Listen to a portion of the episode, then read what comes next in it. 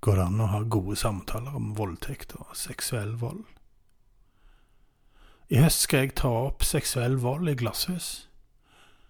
Jeg har jo snakket om voldtekt og samtykkeproblematikker i Gruppesex i Basta-podkasten, Og hvis du har hørt på den, så vil du kjenne igjen noen av de folka jeg snakker med her i høst.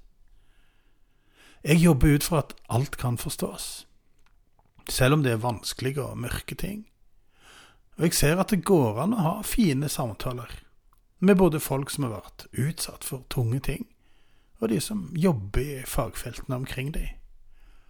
Seksuell vold og overgrep går jo inn i både politisk og juridisk sektor, så vel som psykologi og traumebehandling. Det er mye fine mennesker i disse feltene, med omsorg, kjærlighet og faglighet for samfunn og mennesker. Folk som jobber for det beste for alle. For å forebygge overgrep, definere overgrep, hjelpe folk å se hva som er hva, og prøve å finne heling for de som blir utsatt, så vel som mennesker som har utsatt andre for overgrep, og prøve å finne veien ut fra overgrepsmønsteret.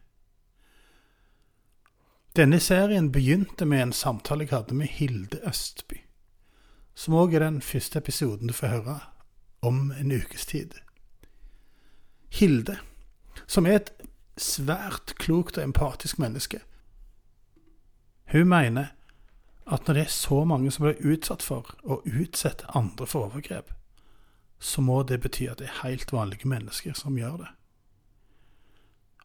Vi kommer til å høre om grenseoppganger, terapi, overlevelsesstrategier i høst. Jeg håper du finner det interessant og får gode ting ut av samtalene. Hvis du har vinkler jeg bør undersøke, folk jeg bør snakke med, eller har innspill generelt, så send meg gjerne en e-post. Tormodfugl, alfakrøll, gmail.com. Eller en melding på Facebook. Glasshus er produsert av Skriften på speilet.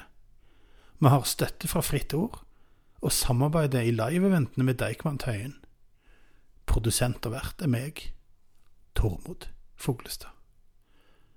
Vi høres.